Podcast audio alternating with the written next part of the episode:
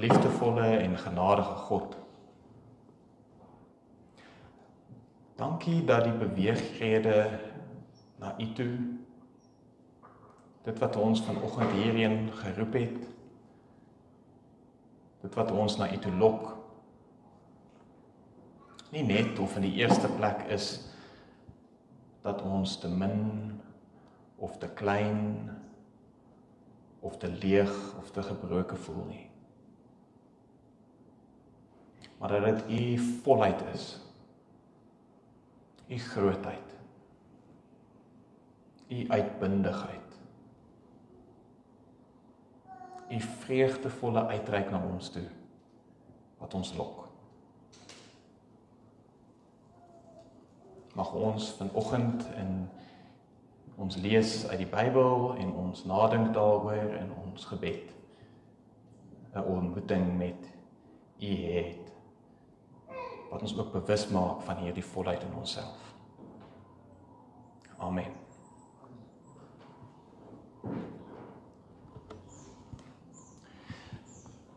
So ons lees vanoggend uit uh die brief van Paulus aan die Efesiërs. As jy jou Bybel het, kan jy daarin blaai, maar ek dink dit gaan ook op die skerm verskyn. Uh Efesiërs 1 van vers 13 af tot vers 23.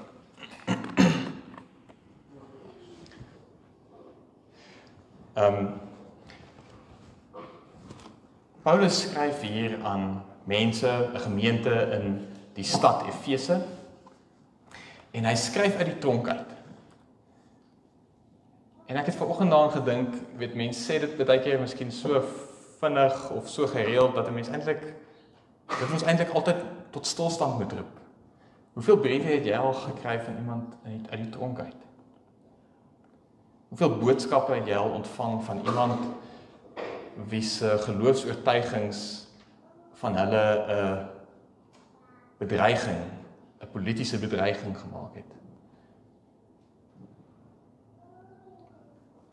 Miskien dra dit op 'n eie soortige gesag wanneer iemand so 'n brief na jou toe skryf. En sy brief is gegrond in lofprysing, danksegging en voorbidding. Miskien is dit weer 'n verrassing. Miskien nie iets wat jy sou verwag van iemand in die tronk nie. Lofprysing, danksegging en voorbidding. En hy begin die brief dan met ongelooflike lofprysing met taal wat oorvloedig is. Ehm um, kleurvolle ryk taal. En dan by die gedeelte waar ons vanoggend gaan lees, of eintlik van vers 15 af, begin hy met 'n gebed. En in hierdie gebed is dit aanvanklik danksegging maar dan vloei dit oor na voorbidding vir die mense in Efese. Vers 13 en 14 is die laaste gedeelte van die lofprysing waarmee die brief begin en dit gee belangrike konteks. So daarom begin ons 'n bietjie voor die gebed self. Wat ek dit vir ons voorlees. In hom is julle toe julle die woord van die waarheid die evangelie van julle verlossing gehoor en tot geloof gekom het, verseël met die Heilige Gees wat beloof is. Die Gees is die waarborg van ons erfenis om ons los te koop as God se eiendom tot lof van sy heerlikheid. Om hierdie rede omdat ek gehoor het van julle geloof in die Here Jesus en julle liefde vir al die heiliges hou ek nie op om God oor julle te dank wanneer ek in my gebede aan julle dink nie. Dan bid ek dat die God van ons Here Jesus Christus die Vader van die heerlikheid vir julle dit sal gee.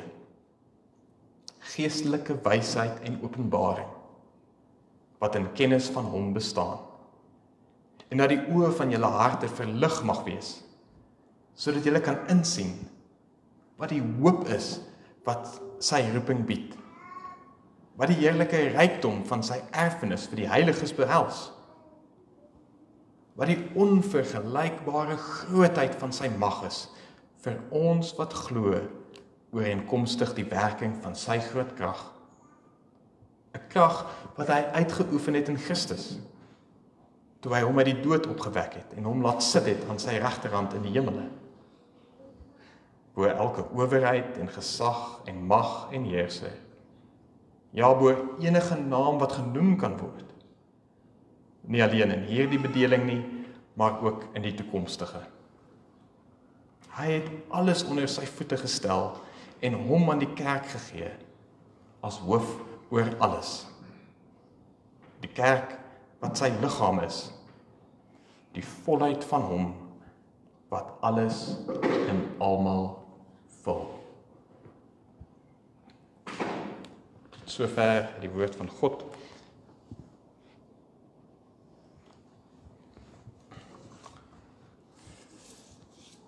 Soos ek genoem het, Paulus begin hierdie baie bekende gebed van hom met danksegging. Hy sê ek het gehoor van julle geloof in Jesus en van julle liefde vir al die heiliges. En daarvoor dank ek God altyd wanneer ek aan julle dink. Nou dis nie geringe sake hier nie, hierdie nie. As jy geloof in Christus het en jy het liefde vir al die heiliges, dan wonder 'n mens is daar meer as dit? Hierdie gebed van Paulus sou mens kon sê is een van drie sê maar van die kerngebede wat 'n mens in die Nuwe Testament vind. Die bekendste is natuurlik die gebed wat Jesus vir sy disippels geleer het. Die Onse Vader gebed. En in daai gebed nooi Jesus ons eintlik in sy vertrouensverhouding met God in. En hy sê vir ons wanneer jy met God relate, wanneer jy na God toe draai, noem hom Abba. Die onsse Vader vra dat ons Jesus se visie van God se koninkryk sal glo en as ons eie sal aanneem, dat ons ons lewens daarop sal waag. En ons sou daarom kon sê dat hierdie gebed veral gaan oor geloof in Jesus. En dis mos die eerste ding waarvoor Paulus God dank wanneer hy aan die Efesiërs dink. Waarvoor hy dankbaar is. Hulle tik daai boksie, geloof in Jesus. En dan is daar Jesus se bekende gebed in Johannes 17 waar hy vir sy disippels intree waar hy intree vir die kerk oor alle eeue. Met ander woorde vir die heiliges uit elke generasie. En daar bid hy dat hulle dat ons een sal wees. Daar bid Jesus dat sy volgelinge sy liefde sal ken en dat hulle dan ook hierdie liefde van Jesus sal uitleef teenoor alle heiliges. En dis die tweede ding waarvoor Paulus dankbaar is as hy aan Efesiërs dink. Hulle liefde vir al die heiliges. So die Efesiërs het al geloof in Jesus en hulle het al liefde vir al die heiliges. En dan dink 'n mens sekerlik dek dit alles. Geloof in Christus en liefde vir al die heiliges is dit nie die volheid van die Christelike boodskap nie. En ja, dit is nie geringe sake nie en Paulus dank God daarvoor, maar dan bid hy vir meer. Hy vra vir nog iets. Maar wat kan daar tog nog wees? Paulus bid dan vir geestelike wysheid en openbaring. Pneuma Sophias is die Griekse woord van geestelike wysheid. En vir die van julle wat verlede week hier was, Openbaring Apokalipseus. Nee, nie die einde van die wêreld nie, maar die begin van 'n radikaal nuwe wêreld. 'n Ooptrek van die sluiers sodat jy kan sien. 'n Lig wat opgaan in jou hart. Die geestelike wysheid en hierdie openbaring sê hy dan ook is gegrond in kennis van Jesus. So dit is wysheid en insig wat groei uit 'n verhouding met Christus. N.T. Wright is 'n Nuwe Testamentikus en ek hou baie van sy vertaling, so ek wil dit ook sommer vir julle lees. Hy sê I pray that the God of King Jesus our Lord, the Father of glory, glory would give you in your spirit the gift of being wise, of, th- of seeing things people can't normally see. Because you are coming to know Him and to have the eyes of your inmost self opened to God's light. So wat Paulus verder vra is die gawe van wysheid en die gawe van insig. Om Jesus so getrou na te volg, so goed te leer ken dat sy lig in ons harte begin skyn. Anders gestel om in ons harte so aangespreek en aangeraak te word deur Jesus dat ons met die oë van God se hart begin sien begin sien wat mense nie gewoonlik sien nie. En uh, dan sou mense nog verder kan vra, okay, maar wat behels hierdie geestelike wysheid en insig dan? En Paulus gaan dan verder om dit te beskryf. En in die eerste plek sê hy is dit insig in die hoop en erfenis wat Jesus se roepstem vir gelowiges behels. Maar wat is hierdie erfenis en hoop waarvan Paulus praat en wat God graag wil hê dat ons moet sien?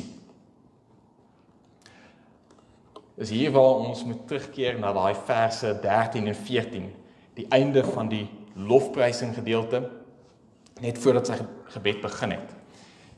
En daar sien ons dat die erfenis verwys na die gawe van die Heilige Gees.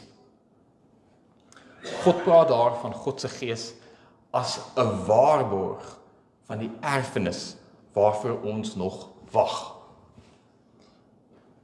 So dit klink amper asof Paulus sê God gee nou reeds vir ons iets waarvan ons eendag ten volle wat ons eendag ten volle gaan hê. So ons kry nou al iets waarvan ons eendag ten volle gaan uh aan deelneem. So die beeld wat hy gebruik is amper soos 'n deposito. Uh, ek het gehoor in Engels het, het ek al gehoor mense praat van earnest money. Earnest money. So as jy ernstig is oor 'n huis, dan ehm um, vra die bank vir jou 'n 10% betaling nou om te wys dat jy ernstig is daaroor dat jy die ander 90% gaan betaal. En Paulus sê dat die Heilige Gees is soos 'n deposito wat God betaal het earnest money om te wys hoe ernstig God oor ons voel en hoe veilig ons erfenis in God se hande is. Maar die beeld strek eintlik net so ver. Want ek dink dit is redelik maklik om te sê dat uh, 'n uh, breekdeel van 'n miljoen rand huis sê maar 10% is 100 000 en ehm um, jy kry dan nou 100 jy gee nou 100 000 of jy kry nou 100 000 en dan later kry jy die ander 900 000. Maar hoe verdeel jy vir God? Paulus sê ons het nou reeds die Gees. Die Gees wat God is. Nie 'n bietjie nie. Die Gees is God. Die teenwoordigheid van God se Gees is die waarborg van God se teenwoordigheid in die ewigheid. Maar wanneer God probeer om net vir ons 'n deposito te gee, gebeur dit dat ons alles in een kry. Want God sê altyd ek gee myself vir jou. Daar is niks soos 10% van God nie. Die deposito is die hele pakket. En God hou aan om te gee en te gee.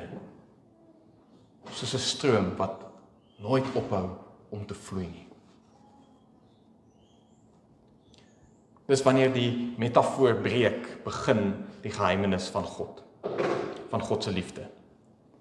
En daarom sê Jesus, die koninkryk is op pad en het reeds gekom. As ons gereed is om dit te vertrou, as dit is dit wat ons aan die einde gaan hê, nou reeds vir ons beskikbaar in die gawe van God se Gees. Dit is die volheid van God nou vandag hier. En wat dit behels, hoe ons dit beleef. Buiten 'n erfenis en 'n hoop, sê Paulus, is as 'n tipe krag. Nou krag is 'n baie belangrike tema in hierdie brief. 'n Mens kry dit reg deur die brief. En miskien is dit omdat Efese, die stad waar hierdie gemeente is, 'n stad van groot krag en mag was. Kultureel en polities was Efese 'n magtige stad geweest met baie groot invloed. Was jy onlangs daar? Filipinos. Okay. So uh, hy was onlangs daar in die uh Griekeland en die ehm um, jy weet daai Turkye en daai omgewing maar ehm um, dit was een van uh, die Romeinse ryk se groot sentrums en dit was veronderstel om 'n voorbeeld te wees van die keiser se groot mag en rykdom en invloed en majesteit. Dit was ook 'n stad met baie godsdienstige kragte en magte. Daar was 'n groot hoeveelheid um, en 'n verskeidenheid kultusse. Um en baie van hierdie kultusse het op krag gefokus ook. Uh die tipe kragte wat ons vandag um miskien magic sou noem. Die krag om dinge te laat gebeur. Om mense en gebeure te beïnvloed. Om rykdom en gesondheid en invloed te bekom. Om die oorhand oor jou vyande te kry. En in so 'n konteks waar die liefde vir mag seëvier in 'n wêreld wat miskien nie soveel anders is as die wêreld waarin ons leef nie. Praat Paulus dan van die krag van liefde. Vir Paulus was die grootste magsvertoon wat al ooit in die wêreld plaasgevind het toe God vir Jesus uit die dood uit wakker gemaak het. Toe God vir Jesus bo elke demoon, elke verslawing, elke isme, elke koninkryk, elke wêreldse mag en gesag geplaas het. Daardie krag, sê Paulus. Daardie krag is beskikbaar vir God se kerk. En Paulus sê dat God reeds vir ons hierdie krag gegee het, 'n krag wat sterker is as enige bedreiging wat ons mag teken.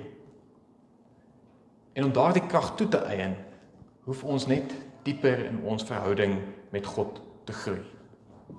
Alhoewel ons kan leer wat die krag van God in ons is, is deur Jesus in sy brose en swak mensheid te omhels. So daar lê 'n redelike Miskien 'n paradoks of miskien eerder 'n geheimenis hierin. En dit is ehm um, waarvoor Paulus dan bid. Dit is daai meer buiten geloof in Jesus, buiten liefde vir al die heiliges, is dit hierdie insig.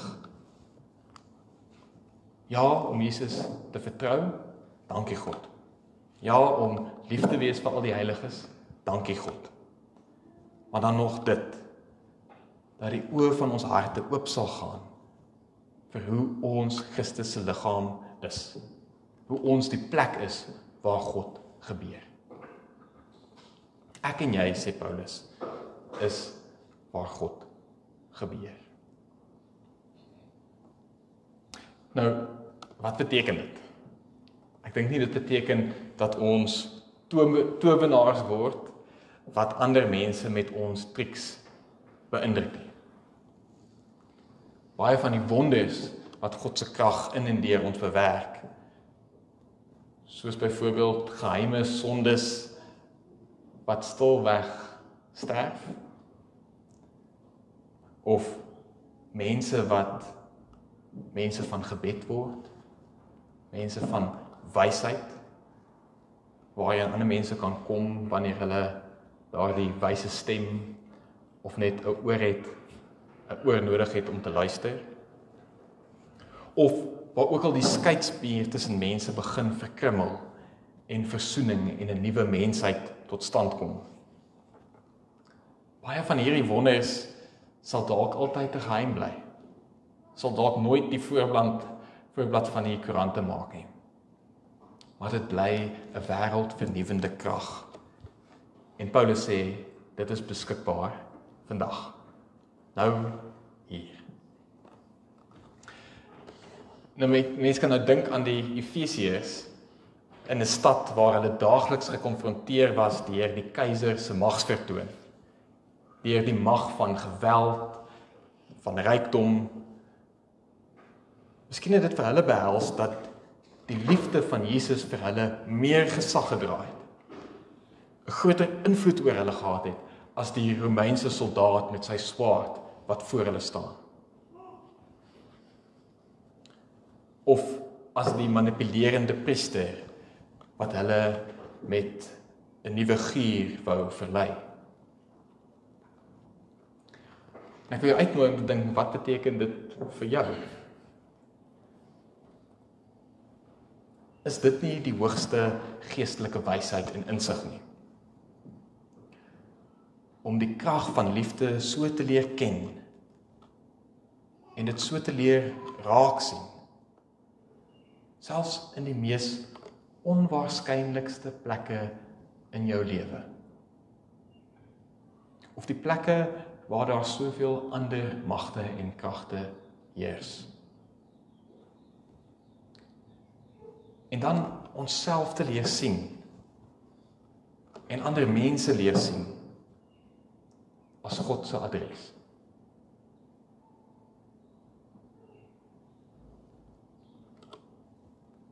As 'n plek waar God gebeur.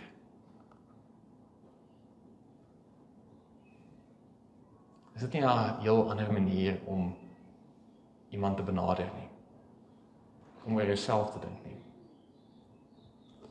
Om vanuit hierdie ooghoek dan jouself en ander met baie meer erns en baie meer deernis en verwondering te benader.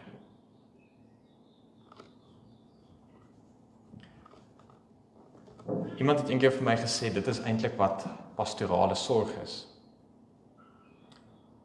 Om iemand meer ernstig op te neem as wat hulle selfs hulle selfs opneem. En vir my het dit 'n bietjie van 'n mantra geword wanneer ek miskien op pad is na iemand toe en ek weet glad nie wat ek daar gaan teekom nie. Wanneer ek met vrees en bewering gaan want ek weet ek gaan na 'n plek toe waar daar slegte nuus ontvang is. Het dit my al baie gehelp. Maar moenie dink pastorale sorg is net iets wat die dominee doen nie. Dis iets wat julle almal doen en wat julle almal kan doen en wat julle almal moet doen. Ek ken iemand wat uh, vir 'n paar maande lank 'n leerling van Moeder Teresa was in Calcutta. En daar het hy geleer om elke dag um, met die volgende gebed te begin. En ek dink dit sluit baie mooi aan by Paulus se gebed. En daarom wil ek graag met hierdie gebed afsluit en jou uitnooi om dit saam met my te bid.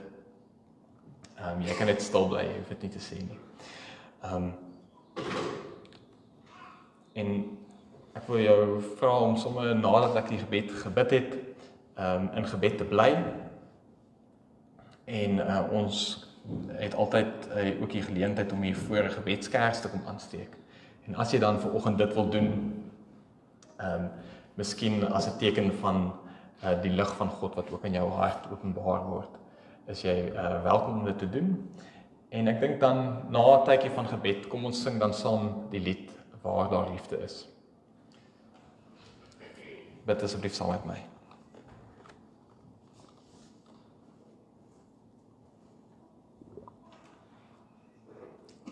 Dear Jesus, help me to spread your fragrance everywhere I go. Flood my soul with your spirit and life. Penetrate and possess my whole being so utterly that my life may only be a radiance of yours. Shine through me and be so in me that every soul I come in contact with may feel your presence in my soul. Let them look up and see no longer me, but only Jesus. Stay with me, and then I shall begin to shine as you shine. So to shine as to be a light to others. The light, O Jesus, will be all from you, and none of it will be mine. It will be you shining on others through me. Let me thus praise you the way you love best by shining on those around me. Let me preach you without preaching, not by words, but by my example by the catching force of the sympathetic influence of what I do. The evident fullness of the love my heart bears to you. Amen.